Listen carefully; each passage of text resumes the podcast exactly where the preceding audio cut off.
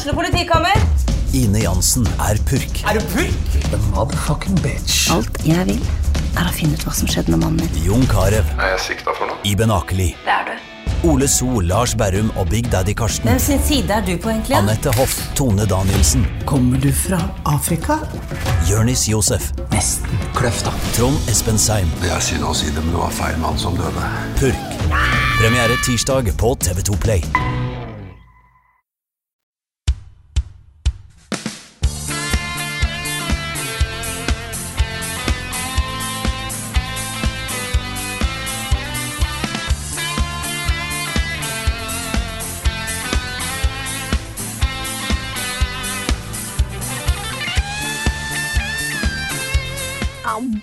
Baby! Åh, det, jeg fikk jo covid.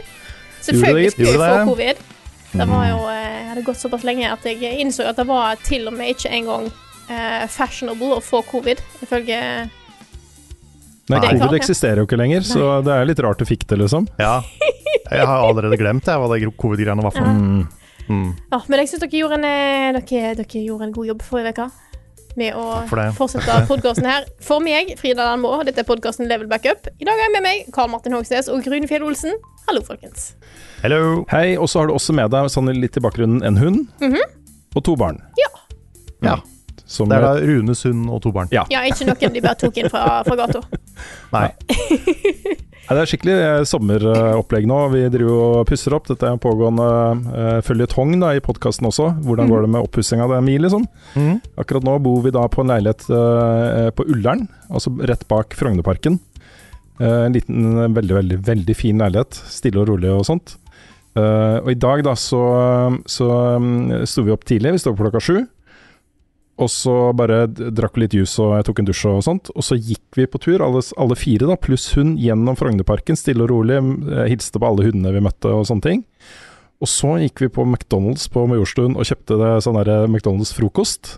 Oi! Altså eh, Egg McMuffin, eller hva det heter for noe. Det er ordentlig godt, altså. Og hash browns og ju- juice og sånt. Satt vi på Valkyrien-plassen og spiste liksom frokost. Rusla vi ned til kontoret, og så var vi her liksom halv ni. så det var en ordentlig, ordentlig fin start på det. Det føles som om vi er på storbyferie i Oslo. Ja. Mm.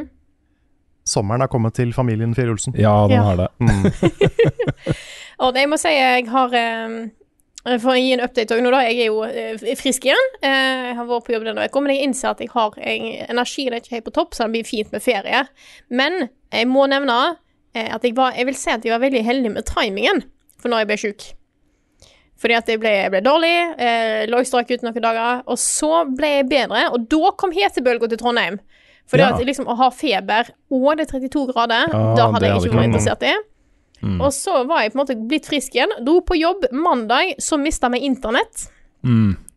Eh, Du kan ikke ha både varme og internett, du, Frida. Det må du jo det må du skjønne. Ja, selvfølgelig.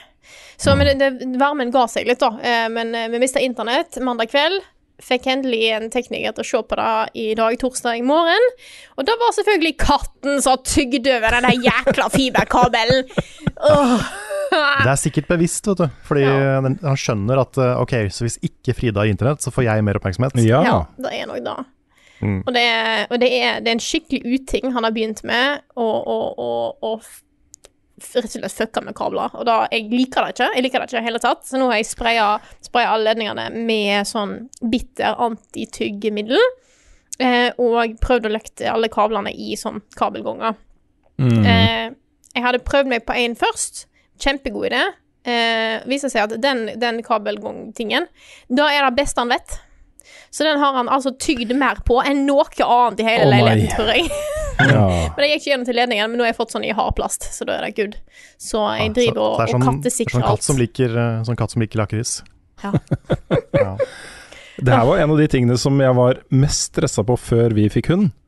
Hva, hva med kablene våre? Kommer liksom hunden til å tygge på alle kablene våre og, og få støt og dø, liksom? Mhm. Så vi gikk jo en runde i hele leiligheten og gjemte faktisk mer enn da vi fikk barn.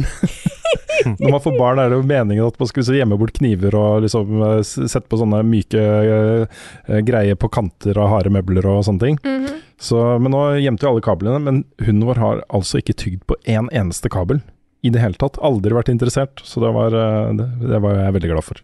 Ja, det er noe herk. Jeg er litt stressa på det, men han er som regel flink. Og det er heldigvis at den kabelen han nå bestemte seg for å tygge på, er en fiberkabel. Det er det vel ikke strøm i, det er vel bare lys, så vidt jeg har forstått. Optisk. Bli, bli. Eh, og det går jo fint med han, men jeg bare liker det ikke. Jeg liker det ikke i det hele tatt. Jeg syns det er skikkelig, skikkelig ubehagelig, så nå går vi en full runde og eh, fullstendig kattesikre. Katten er to. Altså, hallo, han burde jo ha lært dette her på den Åh! Så det er, det er sånn livet går i Trondheim. Ukens hotteste. Ukens hotteste denne uka er jo et event, stort event, som skjer hver Vel, egentlig hver sommer nå. Det er egentlig veldig, veldig hyggelig. Dette er jo da Summer Games Done Quick som driver og går akkurat nå, som er jo et speedrun-event som for første gang på ganske lenge blir holdt fysisk, og selvfølgelig på Twitch, eh, etter pandemidriten. Det har så mye å si at det er fysisk. Bare det å få den der jubelen fra publikum og liksom den stemningen i salen og, og sånn, Ja. det, det tilfører så mye til det eventet, altså. Mm. Dette er jo eh, Ja, Summer Games Done Quick er jo hver sommer. Og så har du eh, Awesome Games Done Quick, som er hver vinter. Så det er jo to, to ganger i året. Mm. Og du er jo, Dette du er- jo uh, Games Done Quick-entusiasten her, eh, vil jeg si, Carl. Jeg er muligens det. Mm. Det er blitt, eh, blitt en del i år òg. Jeg har ikke sett uh, i nærheten av alt. For det går jo 24 timer i døgnet, det her. Og det varer jo en uke. Det er jo galskap, egentlig. Det er mye å se på. Uh, men jeg har fått, fått med meg noen runs. De starta jo med Shadow of the Colossus. Da PS4-remasteren, mener jeg å huske. Eller PS4-remaken, er kanskje mer riktig å si. Og de, noen av de stuntsa som hun dama som spilte, gjorde i det spillet, er noe av det kuleste jeg har sett på GDQ. altså. Ja, det, er, det var utrolig gøy å se på. Og det, jeg syns det er så gøy å tenke på at ok, dette er liksom ett eksempel da på ett spill. Shadow of Mm. Colossus, ett spill. Her har du altså et lite community med folk som, som liksom øver på å breake spillet på den måten, og som liksom hjelper hverandre med å liksom få kjappest mulig tider og få til de triksene og sånne ting. Det er ikke snakk om mange mennesker, liksom, kanskje et par hundre folk da, over hele verden, liksom. Men det gir da den type underholdning til alle oss andre på sånne events som dette her. Jeg syns det er så flott å tenke på, da. Det er det. Og så er dette her til inntekt for eh, veldedighet. På, mm. på vinteren så er det veldig ofte det er eh, Prevent Cancer Foundation, mens på sommeren så er det Leger uten grenser. Mm. Og jeg tipper Nå har de Jeg tror de nettopp har passert en million, jeg har ikke sjekka i dag. Dollar. En million dollar, ja. Mm. Så de, de får inn ville summer. Jeg tipper de kommer til å få inn ganske mye penger i år. Fordi nå er de Leger uten grenser er jo aktive både rundt abort og i Ukraina. Så det er jo to ganske, ganske relevante saker akkurat nå. Ja. Så det er, eh, det er et bra valg av organisasjonen organisasjon å støtte akkurat nå. Mm. Så er det jo sånn, det er jo fortsatt, eh, når den podkasten kommer ut, så er det jo fortsatt tre dager igjen med speedruns. Det er det. Jeg sitter med schedule nå, skal bare ta noen av de høydepunktene som, eh, som jeg syns ser eh, spennende ut. Og det er jo da fra tidspunkt etter at podkasten er ute. Eh, Du har Borderlands 2 eh, kvart på ni fredag. Doom Eternal halv elleve. Control kvart på ett. Uh, og så er det nå ble jeg litt, Satisfactory klokka på kvelden, da, eh, 18.38. Eh, Chocobo GP Oh, yeah. 1916. Det skal jeg se. Skal se noen uh, breake det spillet. Ja, Mm. og så er det Pokémon Brilliant Diamond Shining Pearl på 3 timer og 50 minutter, klokka 10 over 8 på kvelden. Og så er det, skal vi se uh, Natt til lørdag, da, så er det jo Donkey Kong Country, F-Zero GX, Ocarina of Time, Portal 2, uh, Celeste, SMC det er, Jeg vet ikke hva det er for noe, Frida? Eh, Å, det husker jeg ikke. Hva, hva Celeste SMC er SMC. Ja. Mm. Lest SMC. Eh, da er eh, Vet ikke. Nei. Super Mario World, Ratchet Clank Going Commando, Left for Dead 2, Final Fantasy 10, Mhm. Metal Gear Solid 2, Sons of Liberty, Super Meat Boy, Bloodstain, Wind Waker. Eh, og så er vi på eh, søndag, uh, også natt til, natt til søndag. Super Mario All Stars, Metroid Dread, den gleder jeg meg til. Ass. Den må jeg få sett. Jeg tror jeg kanskje det blir opptak. Um, de har et speedrun i Super Mario Maker 2. Men det er dritgøy. Ja, Fordi eh, sånn de gjør i Super Mario Maker, Maker speedruns, det er at noen har laga baner til de, som er dritvanskelige. Ingen av de har spilt de før. Så det handler om å liksom bare lære seg banen fortest mulig. Og Ja, så skal de race mot hverandre ja for å komme først i mål. Det er kjempegøy. OK, jeg har funnet ut, tror jeg, hva eh, Celeste SMC er for noe. Aha. Dette er en crossover, fanmade-ting, som crossover mellom Celeste og Super Mario World. Eh, Oi, ja, så det er en fanmade mod med masse Mario-greier i basically Celeste-verden med Celeste Mechanics. Men det er òg masse Ah. skjell og div. Dette her er, ser helt galskap ut. Det ser veldig kult ut.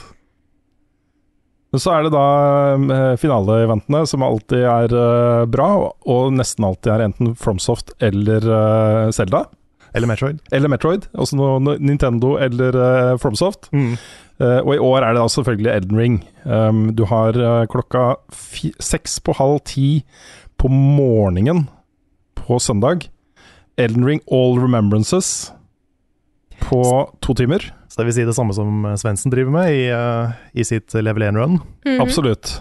Det er alle de som, da, bossene som gir en remembrance uh, etter å ha tatt de, og det er ganske mange av de. Mm. Og så er det bonusgame da 9. Uh, Elden Ring Any Percent på 33. Vet- Den er jo nede i seks minutter eller noe sånt, hvis du Ja. Mm. bruker alle glitcher og sånt. Mm. Så, så det blir en herlig avslutning da for, for oss. Det gjør det. Jeg må også gi en shout-out til et run som var i natt for oss. Det var uh, Pokémon Emerald Randomizer, Oh. som vi da spilte gjennom på litt over tre timer. Og dette er liksom definisjonen av randomizer, for det er ikke bare random items eller random Pokémon du møter. Men hver eneste level, hver gang Pokémonen din leveler opp, så, blir den, så utvikler den seg til en random Pokémon. Nei! Jo. Å gud, denne må jeg se! Så det er ganske altså Det er liksom bare kaos, men det er, det er ganske gøy. Kult. Jeg har ikke fått sett noen speedruns ennå, men jeg har fulgt et speedrun på Twitter. Fordi uh, utviklerne av Tunic satt jo og, og live-tweeta mens det var da speedrun i Tunic, og det var kjempegøy å følge med på, altså. Hmm. De var uh, sånn derre Hæ, er det- dette mulig? What?!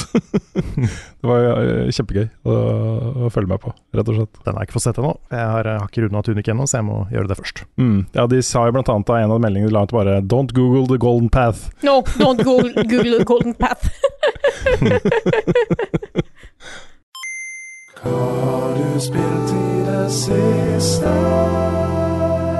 Vi kan begynne med et spill som jeg tror eh, Jeg vet ikke om du har spilt noe mer eh, i tillegg, men vi streamer jo på søndag. Eh, nin, eh, eh, OK, hjernen min, hovedhjernen min er litt sånn det Ninja Ni- Teenage T- Teenage Mutant Ninja Turtles, Shredders Ja. Revenge. Tenåringsmutant eh, ninjaskilpadder. Ja, jeg prøvde Ja. å finne Skre ut hvor skredderens hevn. Ja, jeg, jeg, eh, merker at hjernen min er litt, eh, litt graut. Men da, vi streama jo hele spillet på søndag. Det gjorde vi. Mm. Vi streama det faktisk fra start til slutt. Det var uh, ca. 2 12 timer langt med fem spillere. Mm. Så vi var jo da fem samtidig, så det var et eh, kaos av beat em up-gaming i, i 2 12 timer. Yep. Men eh, det var gøy. Jeg syns Det var kjempekult. Det er jo, dette er jo en veldig, veldig sånn tydelig uh, hommage til uh, de gamle Turtles beat em up-spillene på Super Nintendo og sånn. Det er kanskje mest av alt Turtles in Time. Så alle som husker det spillet og syns det var fett, må, det må sjekke ut Shredders Reg. Dette er good shit. Mm. Ikke, det er ikke sånn kjempemye å si om det, annet enn at det er et, et retro eh, Et veldig bra, moderne retroinspirert spill. mm. Og så var det veldig gøy å spille med folk. Mm. Ja, jeg er litt sånn når jeg ser det, fordi jeg, jeg skjønner appellen, selvfølgelig skjønner jeg appellen, og jeg har ikke noe problem med det i det hele tatt. Jeg personlig, jeg får akkurat den samme følelsen når jeg ser uh, sånn åtte, åttemanns eh, Smash. Mm. Jeg er klar, det blir for mange folk på for liten plass. Det, det blir for mye kaos for meg, altså, så det appellerer ikke til meg egentlig, eh, den derre seksmannstingen. Altså. Nei, jeg hadde en liten følelse av at det kom til å bli kaos, og det ble det. Eh, jeg tror hvis man er sånn én eller to, så er det veldig mye mer oversiktlig, og du får litt mer kontroll over hva som skjer og, og sånn. Mm. Så hjelper det jo ikke at de fire turtlesa er nesten helt like. Ikke sant? Ja. Så, eh, så det blir jo et sånt åtteplayer smash-kaos. Mm. Men eh, likevel, da. Så du, du fikk liksom se uh, hele spillet og bossene og Fikk en liten sånn tour gjennom det det spillet er, er da. Mm. Så det er kult. Det, og det var jo en sånn Hva skal man kalle det? En Litt sånn der fanservice the game for Turtles-fans. Vi hadde jo med Andreas Viking, Mm. som var vår law-ekspert i Ja. Turtles. Jeg har ikke sett så mye Turtles. Jeg, har sett, jeg tror jeg har sett en tegnefilm for mange år siden. Som hadde sånn origin story, hvor du så liksom at de ble til The, the Teenage Mutant Ninja Turtles. OK. Ja, jeg tror jeg bare liksom har sett random episoder av, av serien her og der. Ellers ikke egentlig vært noe eh, in, engasjert Turtles-fan, må jeg innrømme. Det er ikke sikkert det var en film engang, kan det være en episode, for alt jeg vet. At det var første episode, for eksempel. -hmm. Men, um, men ja. Det, jeg har ikke veldig mye peiling på Turtles, men det, de, gikk, de tra trakk jo inn alt mulig greier. Alle mulige villains og heroes, og siste bossen var jo eh, en big deal, skjønte jeg, på, på Svendsen og sånn. Mm. Han også hadde jo litt peiling, men, uh, men nei, det var good times. Good litt times sånn alla, la litt, litt sånn à la Streets of Rage 4, som kom ut i Var det i fjor? Forrige fjor? Tida flyr. Har ikke peiling. Ja. Det gjør det. det, gjør det. Men det er, det er liksom comeback for uh, litt sånn retro beat em ups, så det er kult. Mm. Så kan jeg også skyte inn at uh, en, en liten sånn unnskyldning til alle Sonic CD-fans der ute. Det var litt harsh mot det spillet i forrige podkast. Jeg hadde, hadde litt flere fans i, uh, i Level Up Community enn jeg visste. Uh, så det, var, det, var ikke, det er ikke meningen å yuck anyone's yum her. Det, det er ikke et spill for meg. Jeg ble bare frustrert av det, men jeg, jeg skjønner at for noen så har det noen kvaliteter. Så- Jeg, trodde, jeg trodde jo bare at eh, du hadde innført en ny sånn policy hos oss, som å drive med litt sånn rage-bating. At det var ja. derfor. Mm. ja. Starte, starte beefs i hver eneste Ja, og sånn. Mm, Ja. Bare kaste ut en eller annen kontroversiell hot take, og så Mm. vente på at kommentarene bare fosser inn. Ja. Ja. Nei, det, det, jeg, er ikke, jeg er ikke helt typen til å gjøre sånt, så det, er ikke, det var ikke meningen å, å, å skuffe noen med min eh, Sonic CD hot take. Nei. Men um, jeg har funnet ut, da, den beste måten å spille det spillet på, det er å ignorere the main mechanic, uh, som er time travel. Fordi visstnok, hvis du bare samler da uh, time stones, som er eh, spillet sine Chaos Emeralds, så gjør du sånne bonuslevels, som også er ganske vanskelig, men du har jo evig med retries i Sonic Origins. Så hvis du går for å ta de, og får alle de, så får du best ending, selv om ikke du gjør noe av det andre. Ah. Så det å drive og reise fram og tilbake i tid og finne de maskinene på en bane som jobber hardt imot deg, det er et helvete. Så hvis man bare dropper det, og går bare for timestones, så, så er det bedre. Ok. Kan jeg eh, komme med en annen Sonic-ting når vi først er inne på det? Ja, Jeg har sett mer video av Sonic Frontiers. Jeg begynner å bli mer positiv. ja jeg må bare her. innrømme det.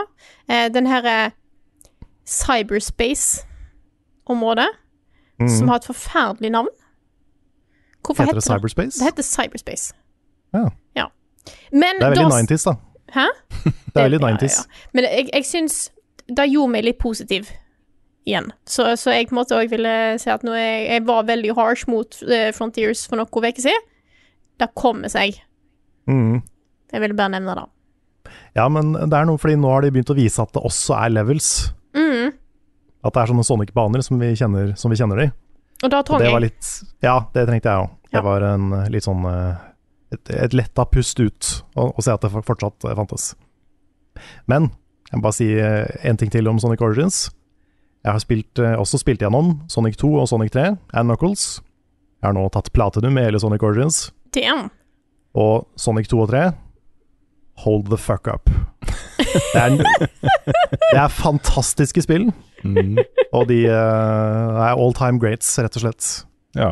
Det er to uh, helt sånn briljante plattformspill, så de, er, de holder seg, altså. Nice. Skal jeg ta og fortsette litt? Ja. Jeg vil tilbake til et spill jeg har snakka litt om allerede. Eh, Jeg skal faktisk tilbake til to spill jeg har snakka litt om allerede. Men jeg har lyst til å begynne med Mario Strikers. Eh, fordi nå har jeg eh, vært sjuk. Med en gang jeg blir sjuk, så mister jeg litt sånn Da klarer jeg ikke alltid helt å spille, så jeg har hatt en, en ganske lang pause nå. Men nå har jeg begynt å ta det opp igjen, sånn at jeg kan få anmeldt dette her før jeg drar på ferie. Og eh, jeg skal snart få teste online-biten, for det fikk jeg ikke gjort fordi at vi hadde ikke internett, jækla katten. Eh, men for noen uker siden så snakka jeg om at jeg har begynt å spille det, og jeg merker at det er veldig vanskelig. Eh, Og jeg trodde Jeg har først litt tenkt nå at det tok meg litt tid å komme inn i det og synes det er gøy, fordi det har vært vanskelig mechanics. Men jeg gikk nå tilbake igjen til eh, Mario Strikers på Wii. For det var da jeg spilte, innså jeg. Jeg trodde det var det på GameCube, var visst det på Wii. Og da har jeg, så jeg fyrte opp Wii U-en eh, og spilte litt eh, Mario Strikers. Og jeg innser at jeg tror jeg egentlig bare syns nye Mario Strikers er litt kjedelig. Jeg tror det er det Det er en viss fare for det, altså. Ja, det er det. er sånn, eh, jeg tenkte det samme da jeg spilte det, at øh, jeg gjorde jo mer en sånn kvalifisert gjetting da, om at hvis man setter seg ned og øver og blir god i mechanics og får det i fingrene og spiller det liksom Smash, da. Og så at du på en måte bare vet hva du skal gjøre hele tiden. Det går veldig fort, men du vet hva du skal gjøre. At det da blir morsommere, og det tror jeg fortsatt det kan gjøre, da. Jo da, jeg tror nok da Jeg bare merker at da jeg er så glad i, når det kommer til disse her eh, galne Mario-spillene, er crazyheten rundt det. Mm. Eh, sant? I Mario Kart så kan du kaste masse items, og du kan fucke opp, og hvis du ligger langt bak, så kan du ta igjen førsteplassen. Altså førsteplassen kan du fucke opp med blått eh, skjell. Ehm, og du har òg craziness i, i Smash med items, men der kan du virkelig bli rundhjult hvis Hvis du spiller med noen som er bedre enn deg. Eh, og jeg føler at Mario Strikers på Wii, Charged Football, tror jeg den heter, der hadde du den crazinessen. Mm. Istedenfor at Altså, det var da galne items, det var galne angrep, det var ting som ikke helt ga mening. Men det går fint, fordi det, det er et sånt Mario-spill. Mens nye Mario Strikers, der de, det virker som de har tenkt for mye fotball Mm. og for lite Mario. Og jeg tror det er der problemet ligger. For at istedenfor at du lærer at For jeg, jeg kjørte gjennom bare tutorialen på Wii-en, og der lærer du OK, sånn skyter du, sånn sentrer du, sånn bruker du special-angrep, eh, og hver person har hvert sitt special-angrep, i tillegg til disse supergreiene. Eh, mens i det nye så lærer du de er det sånn fem, fire, fem, seks ulike måter å sentre ballen på. Ja, ja, ja. Og da, da er det, Jeg innser at det er ikke det jeg vil ha. Eh, så, så selv om du har litt eh, galskap her og der, så er det ikke, det er ikke nok. Jeg vil ha, jeg vil ha eh, mer, mer sprøhet, egentlig. Så, eh, så da har jeg fant ut. Eh, så nå skal jeg eh, teste litt grann mer på Wii-en, bare sånn for å gjort det. Men det virker som at da da er det shit. Problemet er at jeg må ta fram Wii U-en, og den er jo Jeg er veldig glad i Wii U-en, men eh, Men da måtte finne fram laderen til gamepaden og nye batteri til Wii-kontrollerne og hele dritten. Det er så mye styr. Mm. Og sensorbarn som har krølla seg sammen i den bitte, bitte lille tynne kabelen. Mhm. Den, eh, jeg tror ingen kabler jeg noen gang har hatt har krølla seg så hardt som det den. Nei, og så, og så døde Wii U-en min, og jeg trodde hele maskinen hadde bare tatt kvelden, men det viste seg at han bare hadde overpeta. ja. Så det er, ja, sånne ting òg er styr. Den røyk samtidig som internettet røyk, så jeg trodde det var en eller annen eh, lag som hadde s- frya hele dritten, men det var det ikke. Så ja. Jeg trodde det var Vekna. Ja, Mm. god damn it, vekk nå.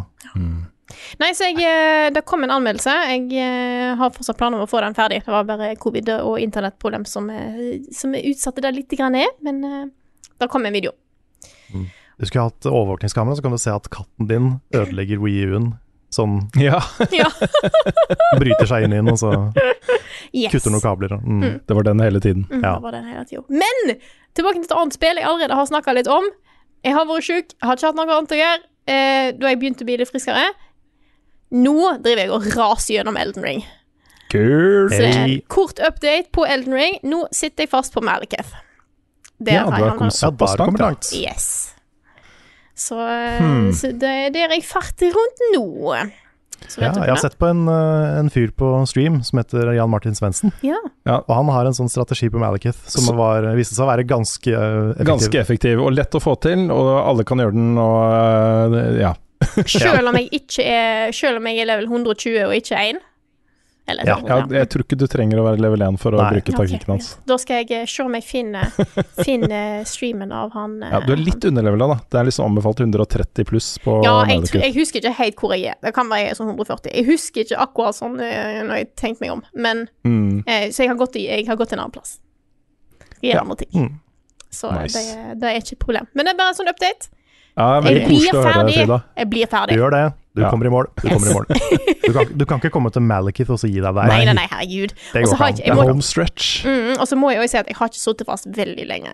Det var mer at jeg prøvde litt grann, eh, Mm. i, i går, og så innså jeg at dette her tror jeg jeg skal levele litt grann mer til, bare sånn for å gjøre det litt grann enklere for meg sjøl. Og så Mm. farter jeg en annen plass. Kult. Mm.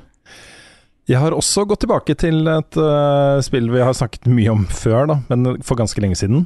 Ok, Jeg har havna ned i et, eh, et bokstavelig talt eh, ganske sånn sort hull. Oi! Fordi jeg har jo hatt lyst til å ta opp igjen No Man's Sky. For hver eneste oppdatering som har kommet, så har jeg sånn åh, det der ser bra ut. Dette har jeg lyst til å teste. Og så har det begynt å bli så mange gode grunner til å gå tilbake til det spillet at nå, ok, nå gjør jeg det. Og ikke bare skulle jeg gjøre det, jeg skulle da, for det har kommet en ny uh, trophy til det spillet, som går på å komme deg til galaksens sentrum med en ny character, da. eh, I permadeath-modus. Så den skulle jeg ta, da. så jeg satte meg ned, uh, ja, en ukes tid siden. Uh, Starta en ny permadeath-karakter. Og vet du hva? De første timene av permadeath er noe av det kjipeste og vanskeligste jeg har opplevd i noe spill noen gang, fordi uh, du blir av design da, i dette spillet her plassert på en ekstremplanet som den første planeten, og målet ditt er jo å fikse det romskipet med materialer du finner og følger en quest, liksom, sånn at du kan ta av og så komme til en annen planet, som alt er mye hyggeligere, da. Um, og det ikke bare er det da ekstremplanet, men du spiller også i survival, som øker vanskelighetsgraden, pluss permadeath, som øker vanskelighetsgraden. Så du mister jo helse dritkjapt. Jeg tror jeg kanskje starta en ny karakter 20 ganger ca. Før jeg klarte å reparere det romskipet og, ta, og lette, da. Hmm. Og så skal det sies at bare du kommer så langt, og klarer å holde deg unna konflikt, og så stikker av hver gang noen skyter på deg eller et eller annet, så er det veldig lett da å komme seg til galaksesentrum. Så det er de første timene som er kjipt, og resten er ganske lett. Bare Mm. du må do the thing. Du må Det er gjøre, litt, gjøre litt den opplevelsen jeg hadde med Give Me God of War. Ja. Fordi den nesten hele spillet går kjempebra, Mm. men den ene fighten nede i den ravina helt i starten av spillet, Yes. Mhm. den er helt grusom. Altså Helt til du får muligheten til å oppgradere eh, Kratos med Mm. abilities og, og armor og sånne ting, så er det kjempevanskelig. Mm. Supervanskelig. Mye vanskeligere enn resten av spillet. Og sånn er det her også, da. Og så skal det også sies, da, eh, s- s- 20 pluss timer seinere, kommer jeg til Galaksen sentrum på Permadeath. Trophyen eh, kicker ikke inn. Jeg får ikke trophyen. Nei. Da må du sende en uh, strongly worded email til Sean Murray. Ja, men det var reisen, vet du. Reisen var uh, Ja, målet. Han har sikkert ikke fått så mange sinte mailer før. Nei, han tar nok det på, på strak arm. Ja. Mm. Men nå er jeg litt tilbake i uh, No Man's Sky. Jeg har starta en ny karakter på normal. Uh, begynt å liksom samle inn de, de tingene. uh, samle opp units og nanite clusters og, og uh, spare til et nytt og bedre romskip og ny multitool og alle de tingene, liksom. Ja, du spiller Starfield in your heart. Ja, det er litt sånn, altså. Mm. Det er kjempebra, og jeg, har, jeg tror ikke jeg har sagt nok hvor utrolig gode Det er to Story Quests du kan følge det spillet. Den ene heter Atlas Path, som var fra launch, da. Eh, og så har det kommet inn en ny en litt senere som heter Artemis eh, Quest. Og de to er så gode, altså. Og særlig Atlas Path er kjempegod. Og den gir hele spillet som en, en, en sånn derre overbygging som løfter det ut av å være et, et litt sånn derre um, utforsk hvor du vil og gjør hva du vil-type spill, til å bli en ting som har en funksjon, og som har et utgangspunkt, og som det ligger en eh, skikkelig god tanke bak. da. Dette har de jobba godt med, og den, jeg får gåsehud bare av å tenke på den historien. Uh, den, den er ikke så innmari lang, men den involverer da å komme seg til galaksens sentrum også. Så du får gjort alle de tingene i spillet uh, som, som er der, og så får du en herlig punch av en story. Så um, det spillet, altså Det er meget bra nå. Meget bra. Um, ja, i, i tillegg så um, er jo dette en ganske spesiell uke for oss. Fordi det kommer jo mye greier. Uh, Cuphead, DLC, Mhm. i, i dag for oss. Mhm. Uh, men det største for meg, da, det er det som kommer i morgen. Sesongfinale av Stranger Things. Ja. Nå, den der leiligheten vi har på Ullern, så har jeg og dattera mi vært der aleine noen dager. Og da har vi sett de episodene som vi mangla da, i sesong fire sammen. Og det er også så bra! Den sesongen er så bra! ja, det er nok kanskje favorittsesongen min, Ja, jeg tror det. Mm. Jeg tror det. Det er, eh, det, er, det er helt konge også. Det er kjempebra. Særlig da den siste episoden før da pausen, som vi så i går, var utrolig sterk også. Så nå er det fire timer. Det er to episoder og fire timer med Stranger Things som gjenstår. Mm. Siste episoden er to og en halv time lang. Det er en film. Ja, Mhm. det her blir bra, altså.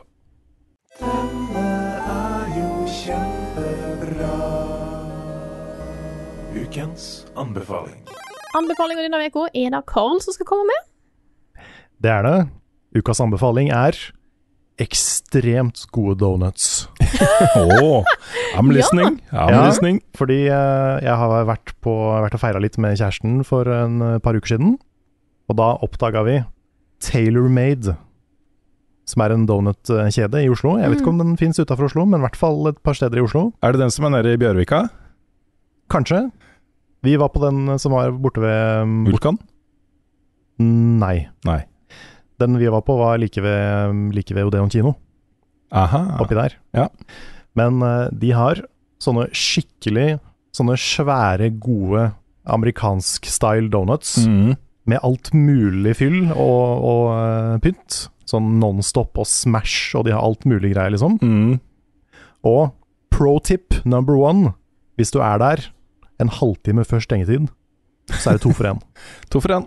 To for to for én amazing donuts. Men det er lite som slår helt ferske donuts, da. Som Mm. akkurat er lagd, liksom. Så jeg vil nok heller anbefalt fullpris fersk ja, donut. Det, det er jo for så vidt sant, da. Men de er gode uansett. Da. Ja da, de, eh, det er de. På Taylor Made. Og jeg har også hørt veldig gode ting om My Ugly Baby.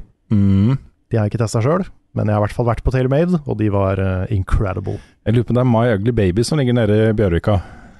Mulig. Det ligger i hvert fall en utrolig god donut. det, jeg, jeg, kjøper ikke ofte donuts, altså, men jeg har gjort det noen ganger. Og det ene stedet er den som er på Vulkan, mathallen på Vulkan. Mm.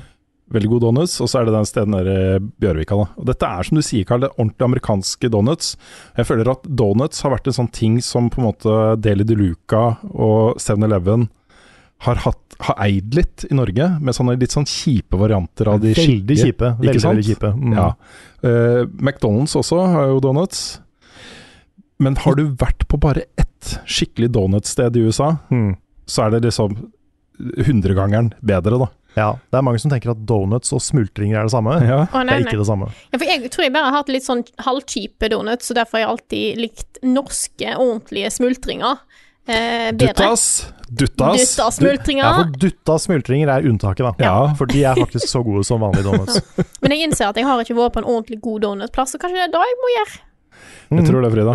Neste gang du er i byen, Frida, Ja. må vi stikke på Taylor Made eller My Ugly Baby. Mm.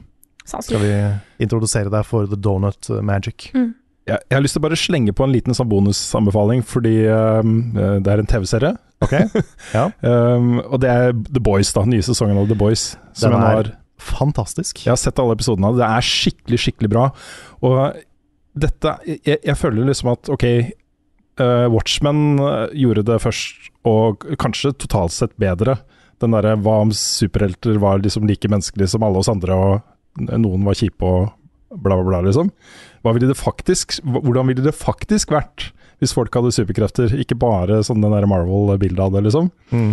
Um, men uh, The Boys er altså en så god um, temperaturmåler på aktuelle temaer i dag. Ja. Også det er et sånt speilbilde av, av alle de kjipe tingene som foregår i verden i dag, på en uh, utrolig god måte. Altså. Jeg, jeg liker den serien kjempegodt. Ja, superkreftene i The Boys er litt sånn Det er en slags metafor for på en måte både våpen, atomvåpen og den type ting, og de kommersielle kreftene som styrer så mye av, av verden. da Ja, og makt generelt, Og liksom. makt, ja. Mm. Og det, det er en veldig sånn smart serie på det. Veldig sånn skarp og ikke subtil i det hele tatt. Nei! Men samtidig, da, nå har jeg lest på, på internett, der stemmer jo alt um, man hører. Jeg har lest at det fortsatt fins The Boys-fans som ikke skjønner at Homelander er bad guyen. Mm. Mm. Da, da, da, da må folk lære seg å skjønne TV, altså. Det er samme Rorschach, det i Watchmen. Ja, men der, der skjønte jo ikke Zack Snyder det, så der er det litt mer Nei, det er sant. Her kommer nyheter med Rune Fjell-Olsen, og han har ikke hår. I forrige uke snakka vi om et rykte om at Sony skulle lansere noen nye hardware-produkter. Ryktet viste seg å stemme.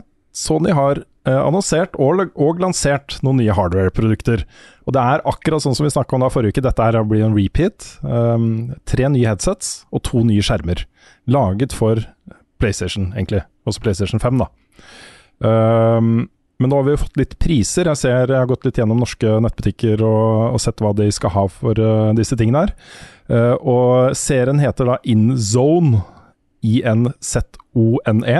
in zone. InZone. Eh, og du har et H3 headset, som er da kabla, med mikrofon til 1200 kroner. Uh, H7 headset som er trådløst med 360 grader spatial sound. Uh, 2500. Og et H9 headset som er både trådløst, har 360-lyd og noise cancellation til 3300 kroner. Og dette er priser fra Komplett. Eh, De har de tre produktene. Eh, De har ikke skjermene. Det har Elkjøp, eh, og det er da M7-skjerm. eh, Som er Skal vi se Det er vel den som er 1080P. Um, den koster 8500 kroner. Det er mye penger for en 1080p-skjerm. Mhm. 27 tommer, 1080P, 8500 kroner. Eh, og en M3, nei, M7 som er 4K, eh, men fortsatt 27 tommer, 13 500 kroner. Å. Det disse skjermene har i tillegg, da, som åpenbart gjør at Sony tenker dette kan vi ta mye mer penger enn det egentlig er verdt for, det er jo et sånn overlay hvor du får FPS-teller og en del sånne spillrelaterte ting på skjermen. da. Og så den er laget for PlayStation, og den gir deg informasjon liksom i overlayet på ting og tang, liksom. Jeg vet ikke om det er trophies og guider og alle de tingene som ligger i på en måte operativsystemet til PlayStation, eller hva det er. Men den har da en del sanne ting eh, for seg. Mm. Men dette, dette, de priser seg helt ut her av markedet, altså. Fordi eh, Ja, dette her er helt hinsides. du får jo kjøpt eh, gode nå. Eh, 27 tommer 4K-skjermer, og mer enn det også. Til under, godt under den prisen, 13,5. Mm. Ja. Um, og det, det, alt det andre er jo bare sånn tilleggsting som egentlig ikke har masse verdi, tenker jeg da. Noen, Ja, nei, for noen det- har det verdi, og da, da tror jeg det er da PlayStation satser på, da. At mange nok syns at det har verdi. Mm. Det finnes jo et marked for high-end skjermer. Det er jo veldig mye sånne der, eh, super crazy Apple-skjermer for Photoshop og den type ting. Mm. Jeg vet ikke helt hvordan de skjermene her er satt opp mot de. Liksom, om det er såpass, såpass bra at, Mm. eh, at ekspertene kan bruke de. Men eh, det er ikke helt for meg, altså. Det her. Nei, det, jeg kikker jo litt på skjermen om dagen, og dette her, de er helt uaktuelle for meg. Og så hadde vi fått en tilsendt for testing, så kanskje, liksom. Ja, hadde vi fått de gratis, så kanskje. Da, da hadde jeg sagt ja. Ja, men uh, jeg, jeg føler de har lagt seg altfor høyt også. Nå kan hende at disse prisene vil justeres noe etter hvert som flere butikker får de uh, til salg. Dette er jo utsalgsprisen som ligger da inne på Elkjøp. Uh, for alt jeg vet så kan det være eh, placeholder-priser også, liksom. Men øh, øh, det er jo mulig å kjøpe de for de prisene i dag, så så vi får se. Jeg, jeg, jeg, tror verken på headsetene deres eller på skjermene, må jeg innrømme. Jeg syns prisene Jeg bruker jo et helt vanlig eh, HyperX eh, headset, som jeg har brukt nå Jeg har kjøpt flere versjoner av, til 600-700 kroner. Eh, sitter kjempebehagelig på øret. eh, Mm. God mikrofon. Eh, bra lyd. Ikke, ikke noe 3D-audio eller noe 360 grader eller noe noise cancellation eller noe sånne ting. Men behagelig gode heads, headsets, da. Mm. Jeg har et uh, Sennheiser PC360 på meg nå. Det er åtte år gammelt, og det er det beste headsetet jeg har hatt noen gang. Ikke sant? Men headsetet jeg bruker på PC hjemme, er jo et gammelt Sony bare lydheadset som driver og detter fra hverandre, men det er det mest comfy headsetet jeg har.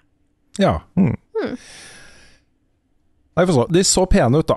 Det gjorde Ja. de. Mm. Da, jeg syns egentlig alltid at designgjengen til Sony har uh, vært flinke, bortsett fra Mm. Nei, bortsett fra disse Move-VR-kontrollerne. Ja. De som Ja, har sånn kule på seg. ja de, eh, de som ser ut som sånn is, Ja. Det eller er eventuelt noe helt annet. Eller noe annet. Ja. Ja. Men, uh, men jeg, jeg tar meg sjøl av og til i å liksom fortsatt liksom se ned på PlayStation 5 og så bare hm, Det er kul. Ja, den er pen, altså. Den er det. Det er Ja. sånn, jeg er litt glad for at det gikk for en sånn der, eh, litt mer sånn crazy eh, design den gangen her. Ja, samme her. Jeg så det var en YouTuber som driver med sånn hardware-modding og sånt. Nå husker jeg ikke navnet hans i farta, men han hadde, eh, han hadde lagd sin egen versjon av PlayStation 5. Som en sånn liten, Det så ut som en sånn hardcover-bok, liksom. Liten bok som var liksom all teknologien da, i PlayStation 5 inni den lille greia der, liksom. Mm. Kom til å øve Peter som et helvete. Ja, det er jo derfor den ikke ser sånn ut. Mm. Den var inni en, inni en tank med is Ja. for å Ha. kunne funke. Nei, det må, jeg vet ikke. Men, eh, du kan bare spille den ute på Nordpolen på vinteren. Ja, Yes. Mm. eller, eller via fryseren. Eller via fryseren. Alle har vel litt flytende nitrogen liggende i en tank. Ikke sant? Ja, Ja. Ikke problem. vet Nei. ikke med dere der hjemme, men vi har masse flytende nitrogen. Før de Mm. springer. Vi har hatt en, eh, en ny Nintendo Direct siden sist. hvor de viste fram uh, tredjepartsspill. I utgangspunktet ikke en sånn derre slugger eh, direct, men veldig mye gøy de viste fram allikevel. Uh, og det som jeg syns var aller morsomst, var jo å få gameplay-debuten til Return to Monkey Island. Hvor du fikk se liksom hvordan dette ser ut uh, in action. da Og det ser altså så nydelig ut. Sånn Mm. håndtegna, veldig sånn tegnefilmaktig stil. Ja, litt mer stilisert enn de gamle. Ja, men allikevel basert på på en måte begrensningene i pikselgrafikk og de gamle spillene. Mm. Så det er et uh, Det er veldig tro mot opphavet, da. eh, føles det ut som. Det virker også som bevegelsesfriheten er også liksom lagt til å være omtrent lik det den var i de gamle spillene. Så du beveger deg på samme måte og, og sånne ting. Så det så ordentlig koselig ut. Eh, det skal jo komme ut i år. eh, og på konsoll vil det da komme først på Switch. Eh, jeg har ikke sagt noe om hvor lenge etter de kom på de andre plattformene, men det er Switch og PC som blir de første plattformene for det. Det er jo eh, ikke alle som har likt den grafiske stilen like godt. Det skjønner jeg ikke helt hvorfor, men ok. Nei. Så internett har jo tatt litt av. Eh, Ja. Så han eh, eh, som jobber med dette, Ron Gilbert, har sagt at han ikke lenger kom til å poste ting om spillet på nett, for han har fått så mye negativitet Ah, angående så kjipt, da. Mm. Så da er jo dritt at folk Ja. ikke klarer å oppføre seg. Nei, det er noe uh, ordentlig bæsj. Ja. ja, for det er da snakk om personangrep og ting som ikke er ok, ikke bare kritikk av spillet. Ja, Ja. personangrep. Nå skal jeg bare google litt mens vi uh, snakker, fordi på Pax West så skal det nå være et nytt sånn derre uh, panel, pa- paneldebatt. Uh, ja, nå kommer ikke den opp. Men der skal da annet Ron Gilbert, Jane Jensen, masse da, av de gamle klassiske Adventure Games-utviklerne møtes sammen på scenen til en sånn paneldebatt. Det så bare, det så bare superkoselig ut. Oh. Så ja, apropos Ron Gilbert, da. Mm, mm. Vi fikk eh, flere hyggelige nyheter. Eh, Vi fikk se det nye spillet til Simogo, eller Simogo. eh, Svensk lite indie-studio som står bak eh, noen av eh, de kuleste spillene til mobil, som jeg vet om. Eh, Beat Sneak Bandit, Yearwalk, Device 6, og da selvfølgelig Sayonara Wild Hearts, som er Ja. en moderne favoritt uh, hos meg. Uh, De kommer med et nytt spill i 2023 som heter Lorley and the Laser Eyes. Og det er et uh, sånn adventure mystery-spill. som så veldig sært ut, men veldig, veldig gøy ut. Utgitt av Annapurna. Of course. Så Lorley and the Laser Eyes, altså fra svenskene i Simogo. Nydelig trailer. Vi får et annet uh, herlig lite indiespill i februar 2023 på Switch og PC som heter Blank, med C. Uh, og det er da et sånn monokromt spill, sånn sort-hvitt. Uh, hvor, du, eh, hvor hovedpersonene er en hjortekalv og en ulvevalp som skal samarbeide i en sånn der Ja. eventyrutforskingsspill. Oh. Og den, den ulven er jo så liten, Ja, så den blir veldig søt. ja. Det, er, ja, er, det så veldig det så nydelig ut, rett og slett. Mm. Det er et sånt spill som ser veldig søtt og koselig ut, og så blir det trist, så er jeg sikker på. Ja, Hvem av de dør? Hvem av de dør? Hvem av de dør? alle. Men den blank, altså. BLANC, februar 2023. Vi fikk lanseringsdato på Mario and Rabbit Sparks of Hope 20. oktober. Eller vil si det ble confirmed, da. Det har jo vært mye rykter om den datoen. Mm. Um, De har også gått ut og sagt at uh, det er ikke bare Grant Kirkhope som skal ha musikk den gangen her, det er to til. Blant annet da Yoko Shimomura, som er Kingdom Hearts-komponisten. Det det var fett. Det er både Grant og henne. ja, Det må bli bra. kult. Det er en tredje, han husker jeg ikke navnet på, men han er sikkert også veldig flink. Mm. Vi fikk eh, dato, og eller vi fikk vel, Det var første gang vi fikk vite at Near Automata eh, kommer til Switch. Mm. eh, I form av da The End of Yora Edition. 6. oktober. Jeg ser eh, Kingdom Hearts-fans er sure for at de fikk en cloud-versjon, Ja, mens dette er da ikke en cloud-versjon. ja det er kult. Mm. Og så fikk vi eh, vite at eh, Persona-serien eh, også skal til Switch. Vi eh, fikk jo nettopp vite at den skal ut på GamePass og Xbox. Mm. Eh, nå kommer den også til Switch. Først er Persona 5 Royal, som kommer da til Switch 21.10. Og så kommer da Persona 4 hva, er- Golden. Hvilken versjon? Golden. ja. Mm. Og Persona 3 Portable. Portable i 2023, samtidig som det da kommer på GamePass. Det er kult. Mm. Det er veldig kult. Og så fikk vi en herlig shadow drop også. Portal, The Companion Collection, er ute på Switch nå. Eh. Det er da Portal 1 og 2. Ja. Jeg så noen hadde funnet uh, Half-Life 2 i kildekoden også. Jepp. Oi. Ha. Det er ganske festlig. du- Ja, det er litt morsomt. Ja.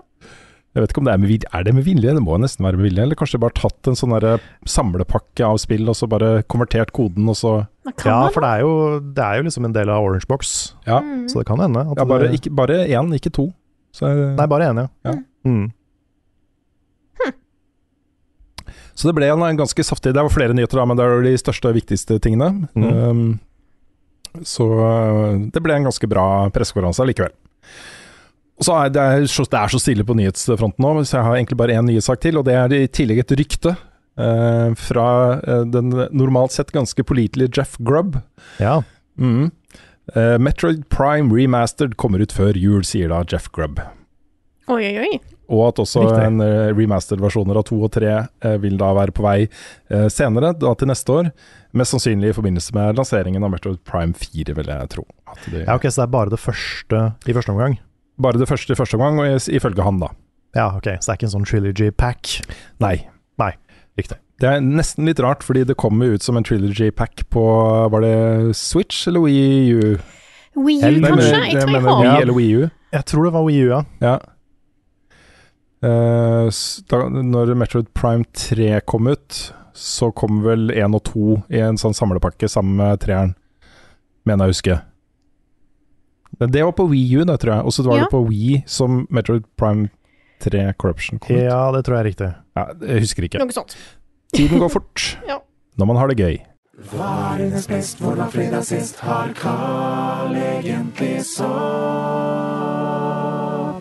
Ukens spørsmål. Vi starter med et spørsmål fra Mattis Hjelmerud, som skriver Hva syns dere om å bli gjenkjent på gata, og at folk spør om bilde? Vil dere at folk skal komme bort for å si hei og kanskje ta et bilde, eller vil dere ikke det? Jeg syns jo egentlig det bare er litt koselig. Jeg elsker det! Ja. Bare come to meg. Ja, ja, ja. Og jeg, jeg, jeg liksom får de til å beskrive hvorfor de elsker meg så mye, og, Mm. og sånt, i detalj, da. Ja, og så Tar du opptak av det. og hmm? Og så tar du opptak av det, opptak av og det? poster det på Twitter og sånn. Yes. Mm. Ja. Ja. Nei, det Men det er, det er bare hyggelig. Det er, Ja. det er rart, fordi det er en rar setting. Eh, sånn Det å bli gjenkjent på gata er liksom ikke noe Det er, det er jo ikke en vanlig ting. Eh, og det skjer jo ikke ofte, så det føles Det er en rar setting å være i. Mm. Og det fins ikke noen sosiale regler for hva man skal gjøre og sånn. Så jeg føler alltid Eller jeg føler ofte at jeg er klein. Ja, for det er så mange jeg- som sier at de er redd for at de er klein. Ja, men da, men da er det- dere ikke. Nei, det føler jeg aldri. Nei. Det, er jeg kan opptatt ikke huske at jeg har, at Ja. jeg har gått fra en situasjon og jeg tenkt at den personen var klein, men jeg tenker ofte at det er jeg som er klein, fordi jeg vet ikke helt hva jeg skal svare og sånn. Mm. Ja, fordi at eh, det er Det er vel da jeg òg av og til føler. Jeg vil så gjerne at når folk kommer bort og sier hei, at skal At jeg skal være kul. At jeg skal være den personen de, de, de tror jeg er. sant? Og da får jeg Mm. Jeg setter så mye press på meg sjøl. Nå sier jeg ikke at dere ikke skal komme bort fordi at jeg press Fordi at jeg setter, lager en vanskelig situasjon for meg sjøl. Det er ikke noe. Det er mer at jeg eh, Dere trenger ikke være redd for å være klein, for jeg er for opptatt av hva jeg holder sjøl sier jeg og Mm. prøver å gjøre. Eh, Mm. for å virke som, som en bra Jeg, person. kjenner, jeg kjenner meg igjen i det. Det er sånn ok, denne personen virker som de liker meg av en eller annen grunn. Jeg håper ikke jeg skuffer de nå. Mm. Det er litt, litt sånn. det, jeg føler at liksom Den biten av det å være i en offentlig person, da, er for oss liksom en forlengelse av å også være en del av vårt eget community. Og det er eh, på en måte litt den samme tingen som når noen kommenterer ting vi har laget på YouTube eller på Discord eller et eller annet, og vi kommenterer det tilbake, og vi får en dialog på liksom innholdet vi produserer, og som vi alle er glad i, ikke sant. Det er litt den samme tingen som, uh, som skjer da, når man møter folk ute i verden som har sett ting vi har lagd, og som liker det. Og det som er litt morsomt, syns jeg nå, da, er at i starten, etter at vi gikk indie, så var det mye den derre Deg har jeg sett på VGTV, ikke sant? Men nå er det sånn folk som følger med fortsatt, og som ser på tingene vi lager i dag, og som har sett 71 grader no-scope og duellen og, og ting, liksom. Hører på podkasten. og det, det syns jeg er litt ålreit, altså. Fordi Mm. eh, vi er jo et mye mindre community nå enn vi var den gang, liksom. Uh, og føles på en måte tettere, da. Og mer uh, sånn integrert del av, uh, av min tilstedeværelse på nett uansett, på en måte. Mm. Og jeg sier det til alle som jeg møter på når vi har events og sånt òg. Jeg syns det er så hyggelig å møte ansikt, og ikke bare kallenavn. Um, jeg syns ofte det er veldig, veldig gøy når jeg møter folk og sier de at ja, eh, jeg er den og den i chatten. Og da er det sånn OK, Mm. da har jeg faktisk et Da, har, da er det en person.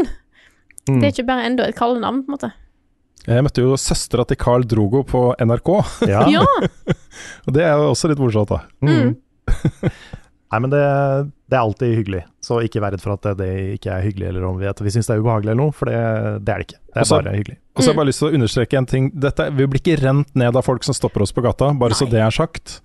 Vi går ikke rundt og 'hei, jeg kommer bli superkjendisen når jeg bygde allé eller Bogstadveien', ikke sant. Det er ikke sånn at det er vanskelig for oss. Ikke stopp oss alle sammen, da. Ja. Ikke alle på en gang. Lag en kø, liksom. Det er ikke, det er ikke sånn. Nei, og så merker jeg det er ofte Nerder som Ja. fellesskap. Ja. Mm. Nei, det er, det er ikke ofte det skjer, altså. Så det, det, er ikke, det er langt ifra problematisk for oss. Mm. Eh, Men jeg har, oppda jeg har opplevd et par ganger at noen har liksom tatt bilde av ryggen min, og så lagt ut på Instagram 'møtte Carl'. Ja. ah, Da er, det, da er det bedre å si hei. ja. For da har du ikke da egentlig bedre. møtt Carl, du har sett egentlig, er, da er det bedre å bare si, si liksom hei og spørre om et, et bilde. Mm. Her er Carl i dusjen, tatt Ja. gjennom møtte Carl i dusjen. Jøss, yes, det har jeg ikke sett. Men jeg, jeg, jeg sier alltid ja til bildet, uansett hva situasjonen jeg er i. Sjøl etter jeg hadde sett Infinity War Nei, Endgame. Etter jeg hadde sett Endgame og var rød i ansiktet etter å grene mot, mot slutten der. Ja. Og så, på veien ut av kinoen, så er det noen som ber meg om en selfie. Jeg tenker sånn Dette er ikke selfien du vil ha, tror jeg, men du kan få den. så det fins. Ja. Du har et uh, sjeldent bilde. Uh, du der gjelder. Mm. Yes, skal vi ta et spørsmål til? Det kan vi på. være. -hmm. Jeg tar et spørsmål her. Dette er fra Vegard Kolsvik Kvaran. Han skriver Hei, jeg står såpass fast på både Malikath The Black Blade og Malenia Blade of Michaela i Elden Ring at jeg etter litt grubling har kommet fram til at Elden Ring er det vanskeligste spillet jeg har spilt. I alle fall som jeg har gått inn for å runde. Sjøl syns jeg Bloodborne var lettere. Hva er det vanskeligste spillet dere har spilt som dere ikke ga opp på? Sifu. Celeste. Ja, det er nok enten, uh, enten God of War på Gimme God of War, eller uh, hmm. Jeg vet ikke, det kan ha vært Returnal også. Jeg syns det var blodig vanskelig i starten. Også.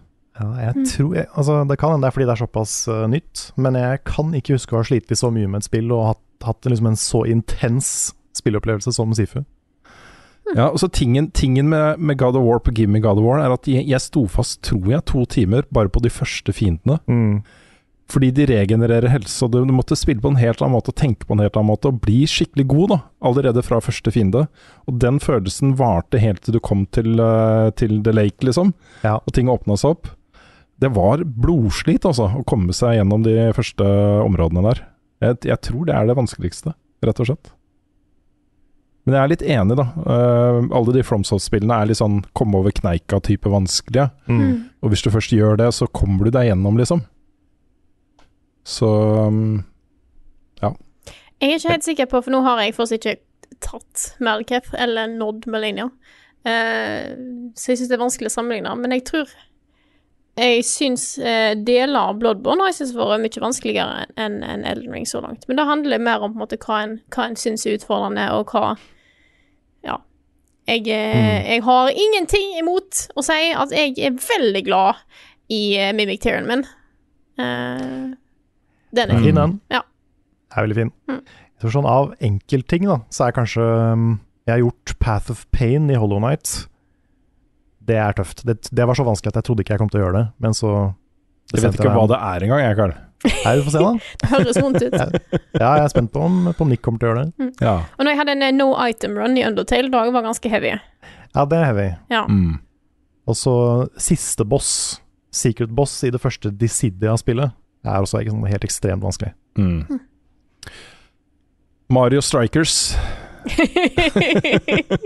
Bare generelt. Bare Ja, ja, nyeste. ja, men det er like vanskelig som vi Det er tøft, altså. Det er det. Det er kjempevanskelig. Jeg har spilt noen av cupene der nå, eh, og den ene der er det Jeg tror AI-en skal liksom spille på ulike måter på de ulike cupene. Og den ene så bare driver de og lobber ballen over hodet på meg hele veien. Jeg bare sånn Kan dere gi dere?! Dette er ikke gøy! Ja. Så Så sånn er det. Jeg skal vi ta et kan- spørsmål? Ja, kan jeg ta et her fra Steamroller Man, Ja. som gjentar forrige ukes eh, spørsmål. -hmm. Lurer på om jeg da har uh, jeg, jeg tror vi kan utvide det til oss alle sammen. Eh, har fått prøvd The Looker, og hva syns jeg i så fall om den? Selv syns jeg at det var en hyggelig hommage til originalen. Og da han spurte forrige uke, så svarte jeg ikke fordi jeg visste ikke hva The Looker var. Uh, jeg tror det var litt fordi han omtalte det som en klassiker, som hadde kommet ut i remastered versjon eller noe sånt. Jeg hadde aldri Ah. hørt om The Looker, så jeg følte meg litt dum. Men dette er jo da en parodi på uh, The Witness. Ja.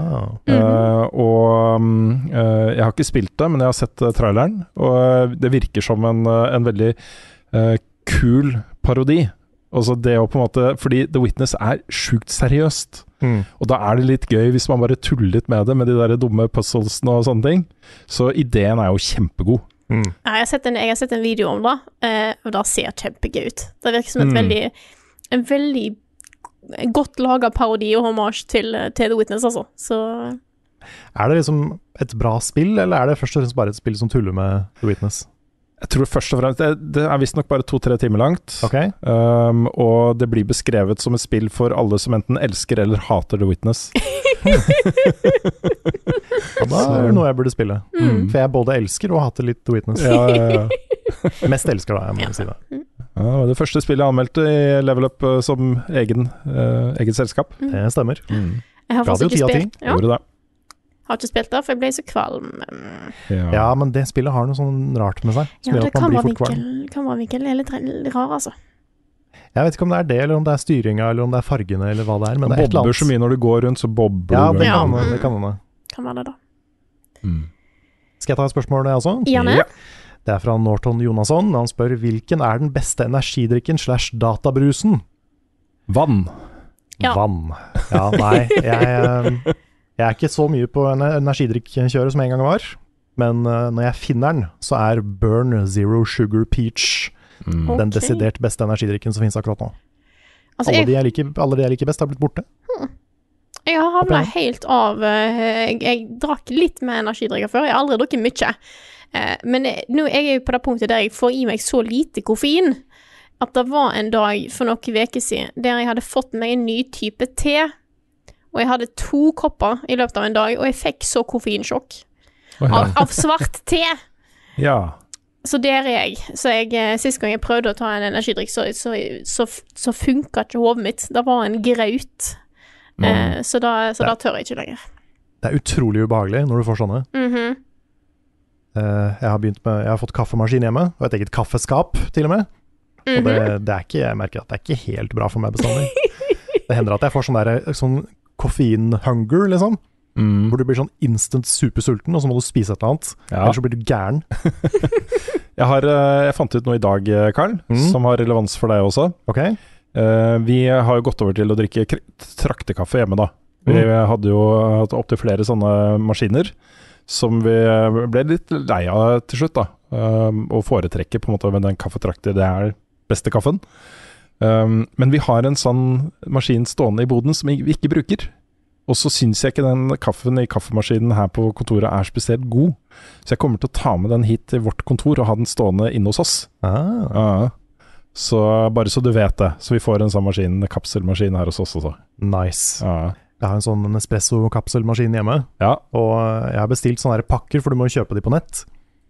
Og de har så mye fancy navn. Mm. Mhm. Det er sånn, så egentlig akkurat nå så er jo kaffe den beste gamerdrikken for meg. Um, men det er sånn, det er sånn Stormio og Intensio og Mexicana og mye sånn forskjellig. Ja, ja, ja. Jeg vet ikke hva noen av, noe av det er for noe. Jeg er, ikke, jeg er fortsatt ganske noob på kaffe. Mm. Men det er sånn, denne kaffen funka, og den var ok, ja. så vi drikker den. Jeg Jeg, må jeg, har ikke, jeg har ikke noe sånn energidrikk eh, eller sånn eh, typisk drikk til å spille. Jeg mente det seriøst når jeg sa vann. Det er på en Ja. måte eh, Hvis du blir tørst når du spiller, er det jo det beste.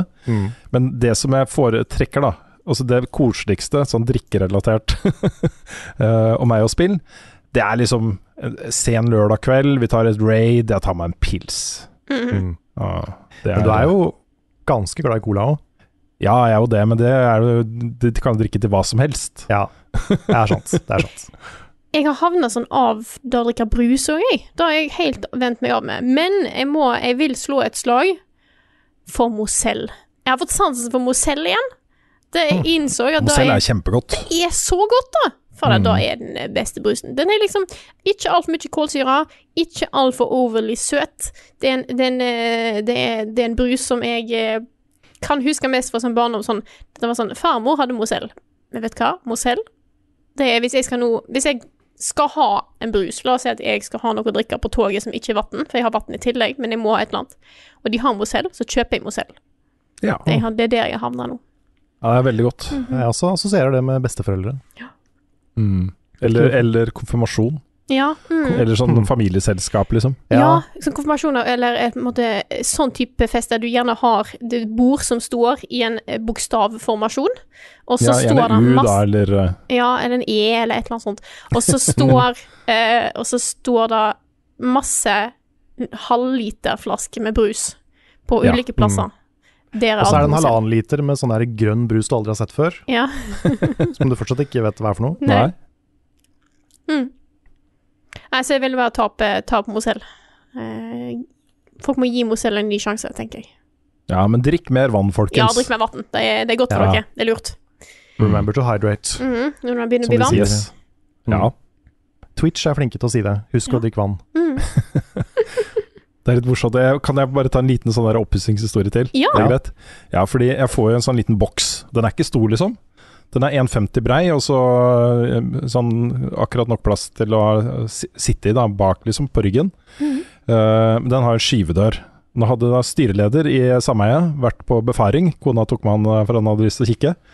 Jeg fikk en tekstmelding fra han. 'Har du tenkt på ventilasjon?' han fortalte han hadde hatt et sånt serverrom med tre servere stående, og de måtte til slutt installere ekstern aircondition for å kjøle ned det rommet.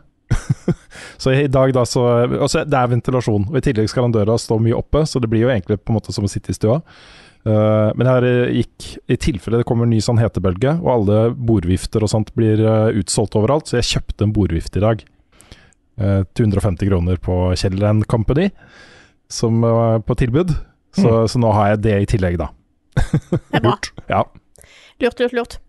Mm. Kan du lukke døra, så kan vifta bare blåse alt støvet opp og rundt. Ikke sant? I Ja! Ikke sant? Mhm, Ja. mhm. Mm. Jeg har eh, et eh, spørsmål jeg har lyst til å ta her. Ja. Det er fra Jon Hilmar, som spør Jeg begynner å gå lei av storyspill. Noe som er veldig synd, for jeg er egentlig veldig stor fan av stories. I det siste føler jeg kun for spill som ikke innebærer noe story, f.eks. COD, Minecraft, Fifa, House of Iron 4. Har dere noen tips til å få tilbake spillgleden for stories? Noen spill som jeg eventuelt burde prøve, som kan tenne gnisten tilbake igjen? Og jeg har lyst til å ta dette her, for jeg føler med hen- det hender vi får spørsmål av folk som sier at å, jeg har, eh, jeg har, har mista litt lysten til å spille spill akkurat nå. Hvordan skal jeg få det tilbake igjen? Og vet du hva? Det er lov å ikke like alt hele tida, tenker jeg. Jeg har lange perioder der jeg ikke spiller spill. Uh, så jeg hadde bare lyst til å ta det for å si at det er ikke nødvendigvis et nederlag eller noe dumt. Nei, det er det ikke. Det er veldig Det, det er naturlig. Ja. mm. hobbyer kom, kommer og går litt. Mm. Det er vanskelig å liksom force den gnisten også, da. Mm. Ikke sant? Um, så jeg tror rådet er egentlig bare hvis du kommer over Kanskje gjerne Dette har vi jo svart på det samme spørsmålet før også, men det fins jo historietunge spill som ikke er så lange. Mm. Eh, Ja. Kanskje bare et par-tre timer lange. Eh, som har skikkelig god historie, og som, eh, som er eh, på en måte ganske lett å spille, da. Eh, det har i hvert fall hjulpet mange andre før. Mm. Eh, ofte er jo disse historiene også litt sånn ehm, eh, mellom linjene-type historier. Sånn Mhm. type Inside og Limbo og sånt. Andre ganger er det mer som Portal 2. Mer dialog og den type ting. Mm. Eh, men fortsatt gameplay gameplay-fokus, da. Så um, Egentlig, råd nummer én for min del er uh, gå ut av komfortsonen. det er også et godt poeng, altså. Fordi det gjelder ikke bare storiespill, men det gjelder alt. Hvis du er litt lei av spill generelt, føler at du har på en måte sett og gjort alt, så prøv noe helt annet. Mm. Noe som er liksom Noe som du kanskje har tenkt før at ikke er noe for deg, men kanskje det er det, og så, så bare oppdager du nye ting. Jeg tror jeg har lyst til å trekke fram et spill som jeg ikke har spilt ennå, men jeg har lyst til å spille når jeg tenker på liksom litt story, ikke kjempelangt, noe helt nytt. Before Your Eyes. Ja. Da tror Ja, jeg det er på en måte et spill som kanskje kan være annerledes nok til å plutselig bare på en måte Mm. få få, få kickstarta ting litt, eh, litt igjen. Ja. Da er det Mm. må eh, Der eh, spillet går videre hvis du blinker. Mm. Fysisk. Mm. Ja, det er et, eh, et godt tips. Eller så kan du jo liksom uh, Diskolysium. Mm. Ja. ja, for du kan gå liksom helt motsatt rekkefølge, eller motsatt vei. At du går for noe som er enda mer storytungt. Ja, bare story, liksom. En visual novel, liksom. Ja, ja. Det er jo bare Doki story. Doki Literature eh, Club. For, for eksempel. Ja. Eller et eh, beefy liksom JRPG, som er 40 timer story. Det går an, det òg. Men Ja. Eh, Eller så kan du ta et spill som begynner som kun utforsking, og så blir det masse historie. Da snakker jeg selvfølgelig om Outer Wilds. Jeg vil alltid trekke inn Outer Wilds på alle måter jeg kan. Det er kanskje en Mm. god, eh, god start. Men der også er det veldig mye historie i starten, da. Og så Ja, det ja. måten, måten du introduseres i den verden på, er veldig kul, altså. Jeg bare kjente den derre Åh, space. mm. Ja, jeg skjønner ikke hvorfor ingen av dere ikke har spilt Echoes of the Eye ennå. Dette- Nei, det er, jeg- eh, det er litt trist. Jeg bare peker, jeg bare nevner det igjen. Jeg bare gjør det. Grunnen til at jeg ikke har spilt det ennå, er at jeg har lyst til å spille gjennom hele spillet en gang til først. Ja. Og så spille uh, delscenen. Og jeg har ikke hatt uh, tid å sette av til å gjøre det ennå. Nå skjønner jeg. Så er jeg litt Det er en Det er en, det er en time. Time-bolk, Mm. det, da. Men et, et spill, jeg nevnte det nettopp, men et spill som er veldig veldig bra som sånn Det er et gameplay-fokusert spill, men det har veldig mye story du kan dykke ned i hvis du vil. Det er Inscription. Ja. Det, Mm. det er sånn Det er jo 100% fokus på liksom stemning og gameplay og Mekanikker. mekanikker i det Mhm. spillet. Ja. Men storyen er så mye mer enn du blir presentert i, med i begynnelsen. Nå kommer jeg på at jeg har den der supersaven Ja, du har eh, det. liggende fortsatt. Jeg, vi har ikke fullført Ja. det spillet. Nei, det må vi gjøre. Det må vi gjøre. Ja. Wow. Det må vi veldig gjøre, for det, er, det, det kan du runde i søvne nå, tror jeg, med den eh, saven du har der. Ja, ikke si det. Jeg, jeg satt jo bare og tok imot instruksjoner. Jeg vet ikke helt hvordan jeg spiller den nå. Nei, det er sant. Den, Nei, du eh, spilte vel ikke Inscription, men Instruction, var det kanskje du eh, Ja, spilte? Ja, det det- stemmer. I- Instruction. Ja. Nei, har dere et siste spørsmål, eller runder vi av der det for i dag? Nei, jeg kan jo bare ta veldig veldig kjapt, for dette svarte vi på for noen uker siden også, men jeg ser det er flere som begynner å liksom snuse litt på Cyberpunk igjen. Ja. Um, etter at liksom nå har de patcha det masse, og er det friskmeldt. Får masse spørsmål om det. Et spørsmål er fra Stormauk, som spør uh, Som skriver da Har avventet å spille Cyberpunk 2077 etter alle problemene det har vært gjennom. Etter å sette opp igjen Nix anmeldelse av Cyberpunk 2077, kom gnisten for å teste det ut. En stund siden jeg har hørt noe om det, vet dere om hvor ståa, eh, hvordan ståa er på det nå? Hvilken plattform det eventuelt er best å plukke opp på? Har noen andre i redaksjonen spilt Cyberpunk? Deres tanker? Det vet jeg ikke, dere har vel kanskje ikke gjort det? Nei, jeg har eh, Jeg, jeg husker jeg, jeg tenkte at jeg skulle vente med det til eh, det var friskmeldt. Vente på next gen-patcher og sånn, men jeg har ikke fått rota meg til å begynne. Nei, men det er eh, Jeg, jeg, syns, jeg syns fortsatt det spillet er kjempebra, altså. Nå har jeg bare spilt uh, den PS5-patchen litt, en time eller to. Uh, og det eh, flyter kjempebra, liksom, på PlayStation 5. Jeg kan ikke si noe om Play, PlayStation 4 og Xbox One-versjonene. Jeg ser de er tilbake i butikken. Um, jeg vil nok tro at den beste plattformen å spille på er PC, fortsatt. Mm. Uh, men det virker som om også next gen-versjonene har tatt syvmilssteg, da. Så, så vil jeg også komme med generell anbefaling basert på all feedbacken som har kommet etterpå, er å spille litt sånn som jeg spilte det, som en uh, historie. uh, med masse kule sideoppdrag som du velger. Ikke nødvendigvis som en sånn åpen verdensspill hvor du kan gjøre hva du vil. Fordi jeg har innsett at jeg fulgte jo på en måte questene uh, ganske tett. da. Jeg var ikke så opptatt av å grinde så jeg kunne kjøpe den bilen jeg hadde lyst på, den type ting. Jeg ville se hvor historien bar, ikke sant. Mm. Og det, det ble en veldig kul opplevelse, altså. Kan jeg si en siste ting før vi avslutter? Ja.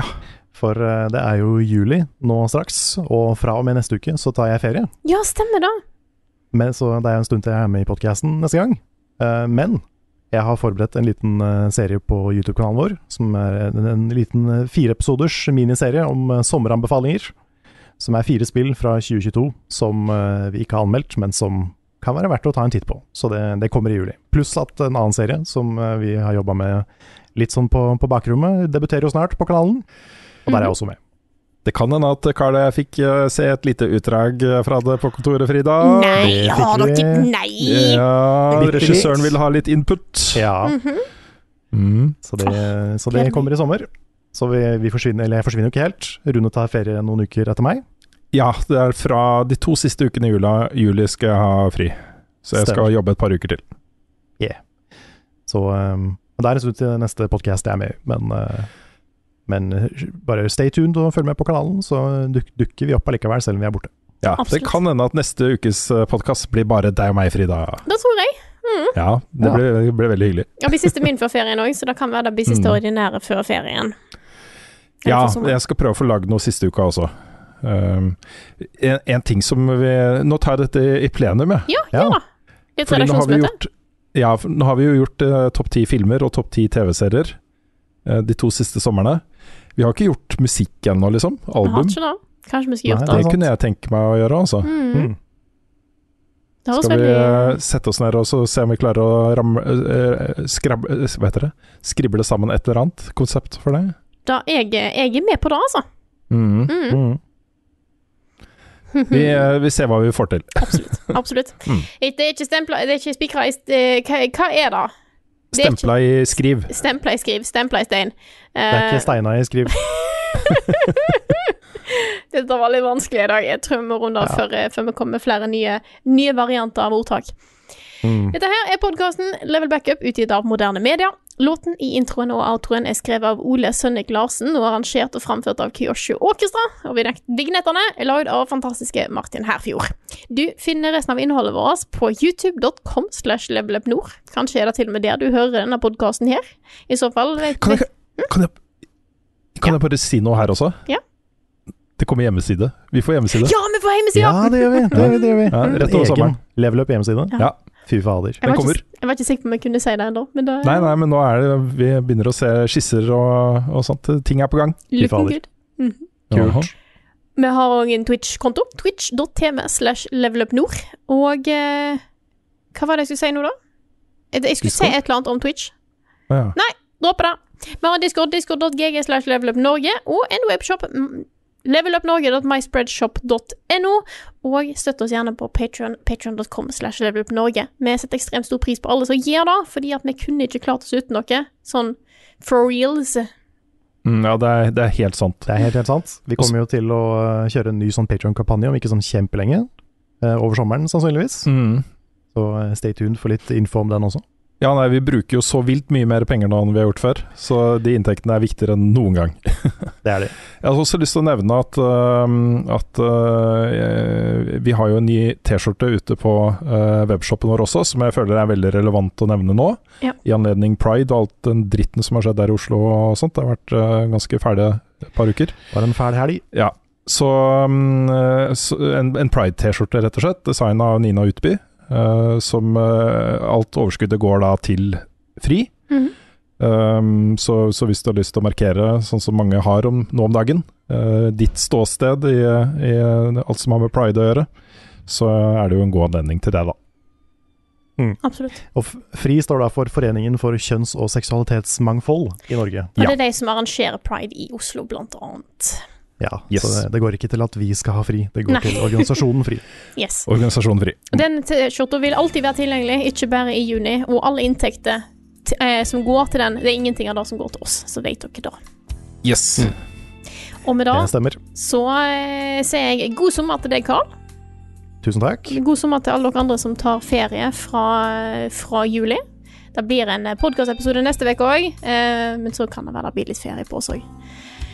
Så da sier jeg takk for at dere hørte på denne episoden her, og så snakkes vi igjen neste uke.